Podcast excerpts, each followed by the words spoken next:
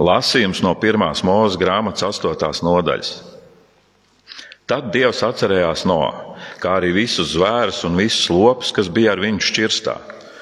Un Dievs lika vējam pūst pār zemi, tad ūdeņi kritās. Zelmju avotu un debesu logi aizvērās, un, lo, un lietus mitējās līt no debesīm. Un ūdeņi sāka kristies pēc 150 dienām, šurp turpi noskriedām.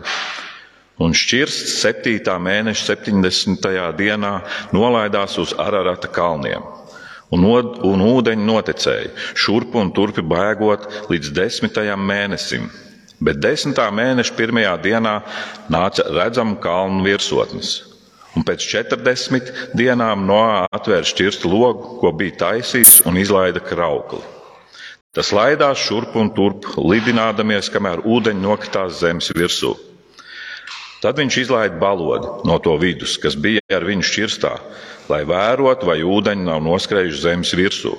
Bet balods neatrada vietu, kur apmesties, un atgriezās šķirstā pie viņa, jo ūdeņi vēl bija pār visu zemi. Viņš izstiep savu roku, atvēra to un ienes pie sevis šķirstā. Un viņš gaidīja vēl septiņas dienas, un pēc tam atkal izlaida balodu no šķirsta. Tad balods atgriezās tā vakara laiku, un redzi, noplūkta olīvas lapa bija viņa krābī, un no ātūdaļa noprata, ka ūdeņi zemes virsū bija noskrējuši. Tā kunga vārds - pateicība Dievam. Lasījums no apstuļa Pāvila vēstules romiešiem 13. nodaļas. Nepalieciet nevienam neko parādā, kā vienīgi, ka jūs cits citu mīlat, jo kas otru mīl, tas ir piepildījis bauslību. Jo bauši tev būs pārkāpt laulību, tev nebūs nokauti, tev nebūs zakt, tev nebūs iekārot, un ja vēl ir kāds cits bauslis, saņemiet kopā šī vārdā. Proti, mīli savu tuvāko kā sevi pašu. Mīlestība tuvākajam ļaunu nedara. Tātad bauslības pie, piepildījums ir mīlestība. Tā kunga vārds - pateicība Dievam. Astība jums un miers no Dieva, mūsu Tēva un no Kunga Jēzus Kristus. Āmen! Lasījums no Jēzus Kristus evaņģēlija, ko ir pierakstījis Svētais Matejs. Un viņš iekāpa laivā, un viņa mācekļi tam sekoja. Un redzi, Liela vētra sacēlās jūrā tā, ka viļņi laivai gāzās pāri, bet viņš gulēja. Un tie piegāja pie viņa un modināja viņu sacīdams: Kungs, palīdz mums, mēs grimstam! Un viņš uz tiem saka: Kam esat tik bailīgi, jūs masticīgie? Un viņš cēlās, apsauca vēju un jūru un iestājās pilnīgs klusums. Un cilvēki brīnīdamies sacīja, kas tas tāds, ka vēji un jūra tam paklausa. Āmen. Tie ir svēto rakstu vārdi. Slava tev, Kristu! Visspēcīgais un mūžīgais Dievs, mēs tev no sirds pateicamies par šiem vārdiem, kurus tu mums dod šajā dienā. Kungs, Dod, ka šos vārdus mēs varam ierakstīt savā sirdīs, ka mēs pēc taviem vārdiem varam dzīvot un sargāties no visa ļauna līdz kamēr mūžīgi svēta tavā valstībā būsim. Tiešām nāc, kungs, Jēzu, un nekavējies. Āmen. Lūdzu, sēdieties!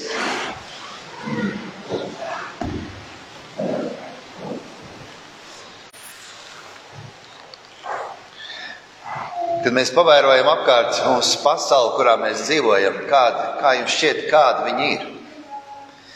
Protams, daba, skaista daba, vienmēr kaut kā piesaista ar to pievilcīgumu, ar to skaistumu, ar to klusumu, ar tām dabiskajām, dabiskiem procesiem, kas tur notiek un liekas, nu, ir jau skaisti.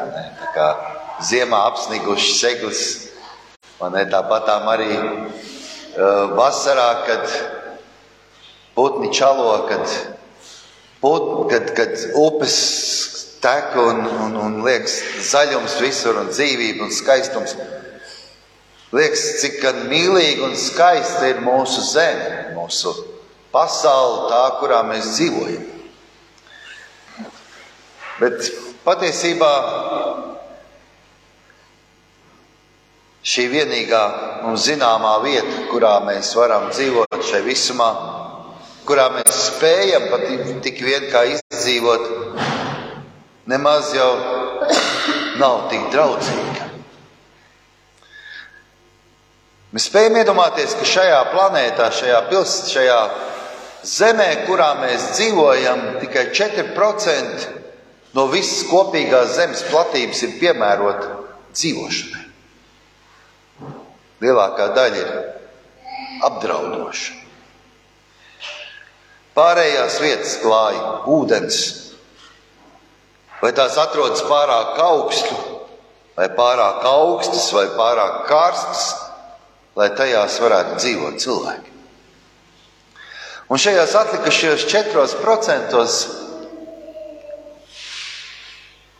zemes teritorijas tās vēl vairāk piemeklē dažādas zemestrīces, vulkānu izvirdumi, plūdi, meteorīti, vētras. Vēl vairāk, mēs varētu papildināt šo sarakstu ar slimībām, ar pārtiks trūkumu, ar plēsīgiem zvēriem, savstarpējo cilvēku naidīgumu, kas vainagojas ar kariem, terorismu, slepkavībām. Tad tajā brīdī vairs tas skaistums, tas brīnišķīgais, tas uh, nacionālā geogrāfijas, tā televīzijas raidījumi, tie skati nemaz vairs nav tik pievilcīgi. Īsi sakot, šī zeme cilvēkiem nemaz nav tik draudzīga, kā pirmajā brīdī mums varētu šķist. Un tad, ja mēs vaicājam cilvēkiem, kas tā domā vairāk tā kā materiāliskie cilvēki, kas domā par kaut kādām savām personīgajām vajadzībām vairāk, viņš saka, kāpēc tā ir? Kāpēc šādiem apstākļiem ir jābūt. Mēs taču varam kaut ko mainīt, mēs varētu kaut kā savādāk to visu darīt.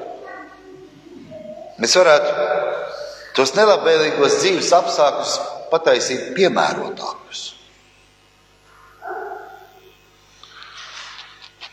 Liekas, nu, zinātnieki varētu taču kaut ko izgudrot tādu, kura dēļ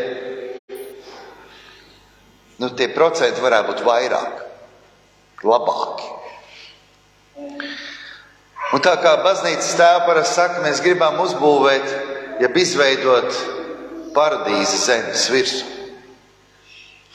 kas visbiežāk vainagojās ar fiasko. Svētie raksti mums atklāja pavisam ko citu, kaut ko dīvaināku, vēl brīžām liekas neloģiskāku, bet tomēr izprotamāku problēmas rašanās ainu, kas arī sniedz mums kādu risinājumu. Pirmajā mūža grāmatā var lasīt, ka pēc savu tēla radītajam cilvēkam Dievs deva varu pār zemi un jūru visā, visiem tās iemītniekiem. Citiem vārdiem, cilvēks un tam pakļautā daba bija laba un labvēlīga. Cilvēks labprāt pakļāvās dievam, un daba pakļāvās cilvēkam. Pasaulē tad valdīja miers, tad saticība bija savā starpā un harmonija. Atcerieties, kur bija rakstīts, un viss bija labs. Situācija radikāli mainījās pēc grēkā krišanas laika mirkļa. Kad zeme kļuva nolādēta cilvēka dēļ, pasaulē tad ienāca ciešanas, sāpes, nāve. Un tad daba vairs nebija cilvēkam paklausīga. Taisn otrādi naidīga. Un līdzīgi tāpat kā cilvēks dievam, tāpat arī visās lietās. viss, kas bija dieva radīts, kļuva naidīgs cilvēkam.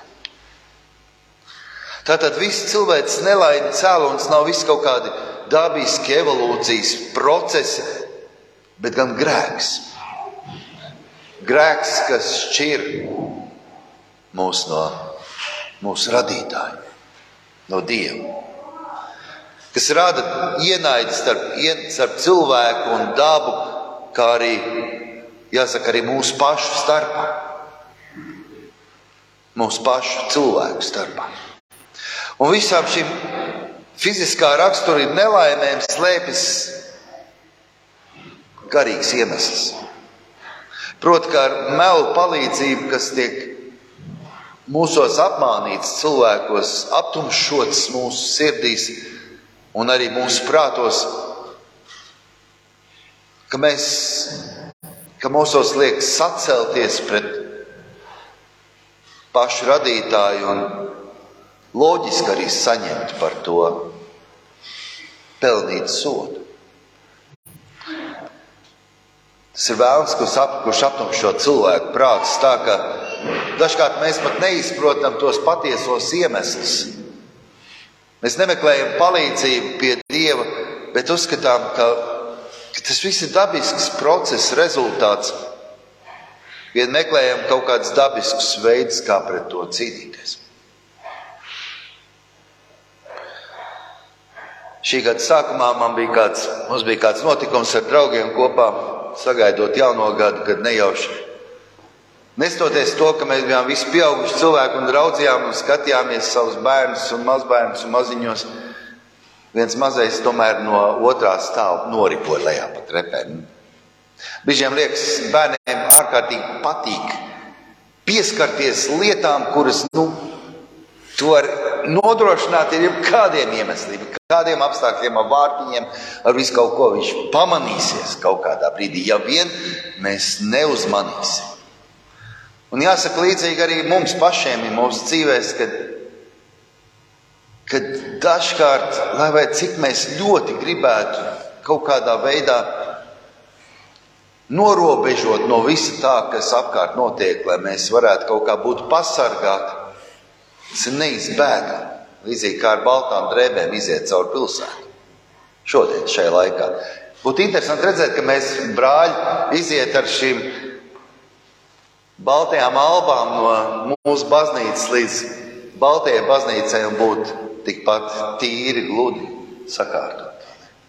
Labākā gadījumā, kā ar mašīnu mums nošķirstīs, tas būs pats mazākais. Cik grūti šajā pasaulē patiesībā būt šajā šķīstībā. Es varbūt neataisnoju mūsu kā vecākus, ka mēs neuzmanījām savus bērnus pietiekami. Paldies Dievam, ka šīm mazajām viss ir kārtībā un tikai pāris šūītes bija vajadzīgs sašūt. Nekas ļauns nenotika. Paldies Dievam, ka Viņš pasargāja. Tomēr mācība bija pietiekami liela un nopietna. Pārvērtēt, izvērtēt to, vai tiešām tas, kas mums šķiet pašsaprotams šajā pasaulē, mums šķiet tik drošs un tik labs, kā mums šķistos. Risinājums, kad mēs ieraugām to, ka šī pasaule nemaz tik draudzīga nav pret mums, un tās iemesls ir mūsu grēks, mūsu samaitātā domāšana. Un tad redzam, ka viss tas, kas notiek mūsu dzīvē, patiesais galvenais iemesls ir garīgais raksturs. Problēma ir garīgajā rakstura īpašībā. Savukārt fiziskajā pasaulē mēs to vien tikai darām, kā cīnāmies ar šīm sekām. Risinājums ir jāmeklē daudz dziļāk mūsu cilvēku attiecībās ar Dievu. Šās dienas evanģēlijā mēs dzirdējām kādu ārkārtīgi neparastu notikumu, kas izraisīja ļoti lielu cilvēku izbrīnu. Jēzus ar saviem mācekļiem bija iekāpis laivā, lai pārceltos no Ģenceretes ezera uz otru krastu. Viņiem sekoja vēl kāds cits laivas, un pēkšņi kāds mēdz uz šī ezera notikt. Sacēlās liela vētra, lasīja par šo Ģenceretes ezeru, un tiešām tas ezers šķiet mierīgs un skaists, un vienā brīdī var pēkšņi radikāli mainīties, kad iepūš vējš no kalniem, un tajā brīdī saceļās milzīga vētra. Tā arī šajā brīdī vairāk Jēzus mācekļi bija pieredzējuši svētnieki, ka, kas uzsāk šo izmisīgo cīņu ar šo postošo dabas stihiju. Tā pašā laikā Jēzus, kā mēs lasām, vienkārši gulēja. Izlikās, ka nekas nav noticis. Un tad, kad izskatījās, ka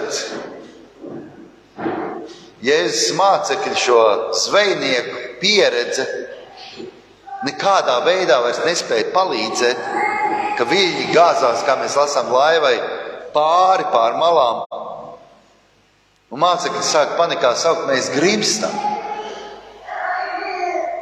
Šajā brīdī viņi izmisumā meklē palīdzību pie Jēzus, kurš neraugoties uz vētru, vienkārši gulēja. Un šeit vērojams kaut kas tāds, man liekas, komisks. Tas, kad es lasīju pirmo reizi šo raksturu, man, man izraisījās smaids. Iedomājieties, pieredzējuši zvejnieki, vētras laikā, vīri, kas ar, nu, nav viegli airēt laivu. Viņi vēršas pie galdnieka. Saka, Jēzu, mēs grimstam. Ko darīt? Es domāju, ka līdzīgas lietas laika pa laikam vērojam šajā pasaulē. Ka tad, kad mēs atopamies, ka mēs vairs nespējam tikt galā ar tām samilzušajām problēmām, mēs meklējam palīdzību. Pie šķietam neloģiskas, bet patiesībā dziļas, svarīgas un pamatīgas. Saknes pie baznīcas. Jēzus rīcība ir savdabīga. Viņš, kas notiek tajā brīdī, kad mēs grimstam, kad, kad laivā ienāk ūdens? Ko darām? Ņemam visu iespējamo un smeļam ārā. Ne, taču, nu, kad vismaz viena roka vairāk ir labāka nekā neviena roka, vai, vai ja ir desmit rokas, vēl viena roka, tas tikai palīdzētu. Nē. Jēzus rīcība ir pilnīgi neparasta.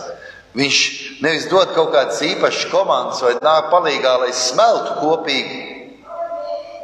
Viņš norāda savus mācekļus. Viņš norāda viņus par viņu bailīgumu, kas sapņojas, kas sakņojas masticībā. Kāpēc jūs esat tik masticīgi?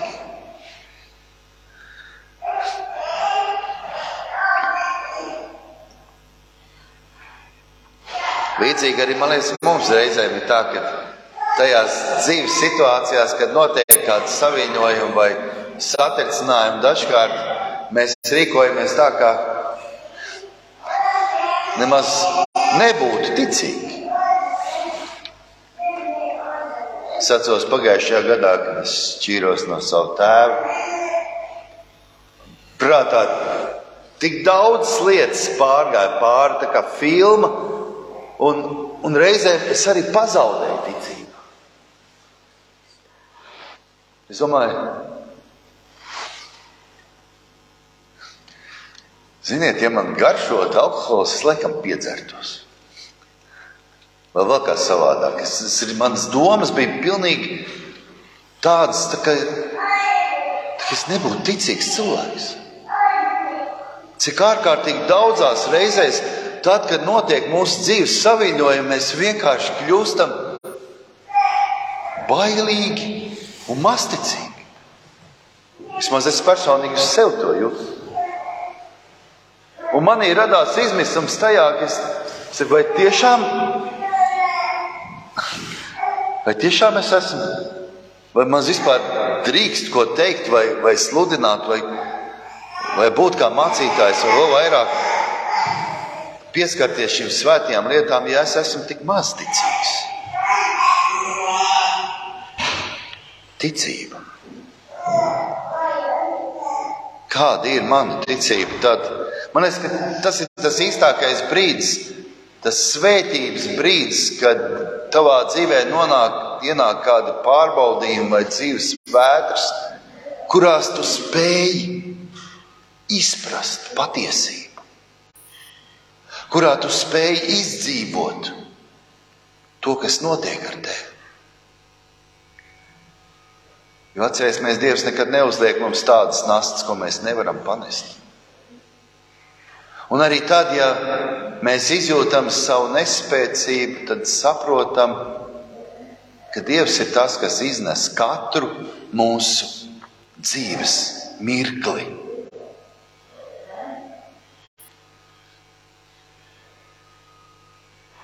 Tad, kad Jēzus norāja savus mācekļus, viņš norādīja, ka cilvēki vairs īsti nepaļaujas uz Dievu un jūtas bezspēcīgi to dabas spēku priekšā. Pēc tam, kad Jēzus piecēlās, viņš apsauc vētru, mēs to lasām. Apsauc vēju un jūru, un tajā pašā brīdī vētra norina. Iestājās pilnīgs klusums. Apkārtējās laivās sēdošie ļaudis izbrīnās, sastinga. Ko tas nozīmē? Kas tas tāds, ka viņam pat vēja un jūra paklausa?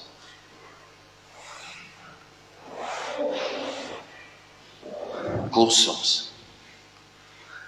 Tad, kad vētras plosās, kad notiek šis milzīgais troksnis, ir ārkārtīgi grūti koncentrēties lietām, kas notiek visapkārt, jo tu dzirdi tikai saucienus, trokšņus, tu nespēji aptvert visu to, kas notiek.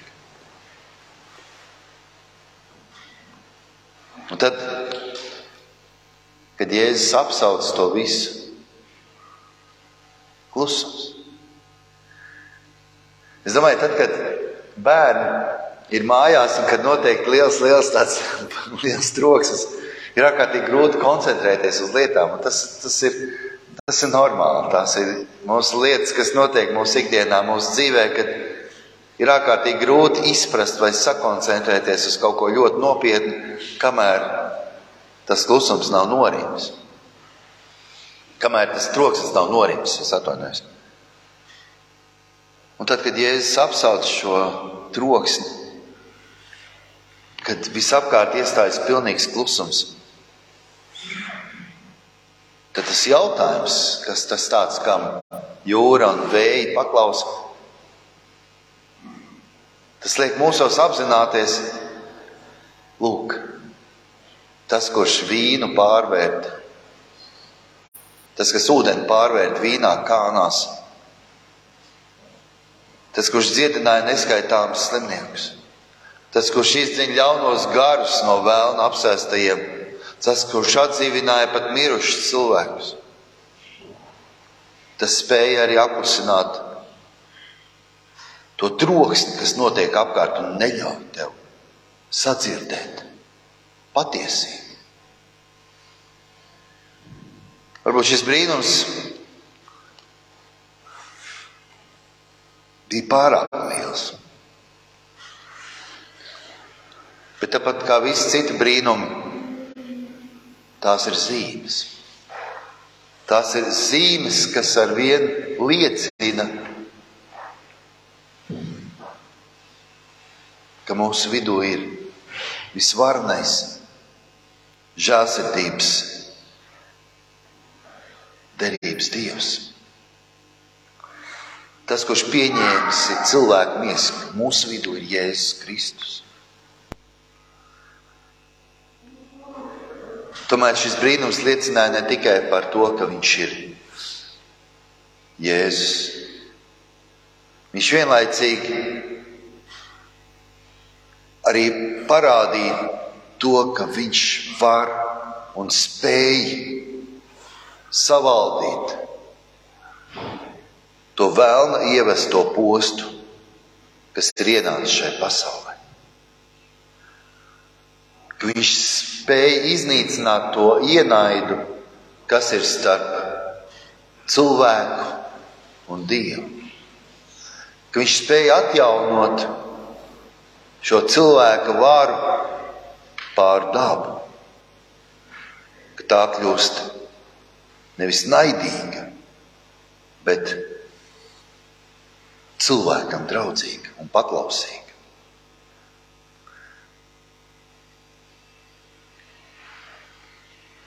Pār šo jauno pasauli svētais gars saka, ka nekas vairs šajā pasaulē nebūs nolādēts. Bet kad cilvēki priecīgi kalpos Dievam, skatīs viņu savām acīm un pilnībā piederēs Dievam. Un tas, kas ir Dieva radīts šai pasaulē, viss kļūs pilnīgs līdz galam.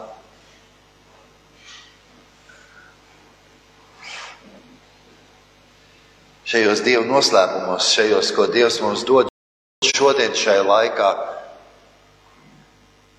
Kristībā, Svētajā vakarēdienā. Dievs dāvā mums ko tādu, kas ir daudz dziļāks nekā vienkārši maize un vīns. Atcerēsimies, ka pat šodien, šajā laikā, mūsu pārtika nevienmēr mums palīdz taisnot otrādi. Mūs nogalina. Tomēr mums viņi ir jālieto, tāpēc, ka tas ir mūsu iztikas avots, mūsu izdzīvošanas avots. Toties tas, ko tas kungs mums dod caur svēto vakarēdienu, ir tas, kurš, kuru baudot, mēs pabarojam un piepildām sevi mūžībai. Kad dzerot no šī kausa, mēs baudām mūžības dzērienu baudot šo maizi, mēs baudām mūžības ēdienu. Ka tās, tas ir tas neparastākais, ko mēs šeit, šajā vietā varam saņemt. Tas kungs, lai mums palīdz, ka, mums, ka mēs to aptveram, cik ārkārtīgi pilnīgs tas katram no mums. Ka neskatoties uz tām skaistajām lietām, ko mēs ikdienā piedzīvojam šajā pasaulē, tās salīdzinoši ir niecīgas. Ka visgaršīgākais, visbrīnišķīgākais pavāra ēdiens nestāv klāt tam, ko tas kungs mums ir sagatavojis caur svēto vakarē. Ka viņš mums pieskarās katram no mums un dāvā tādu žēlastību, kas pārklāja visu to ļaunumu, kas šajā pasaulē valda. Tā būs tā pasaule, uz kuru mēs tiecamies, uz kuru mēs ejam. Katrs savā laikā mēs stāvēsim tajā vietā, kur tas kungs sēdēs savā tronī un raudzīsies un sauks uz mums, nākat pie manis visi.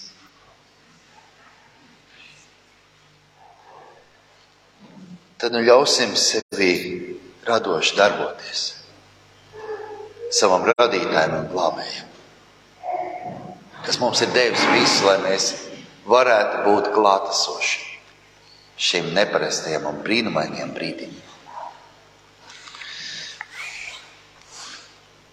Amen.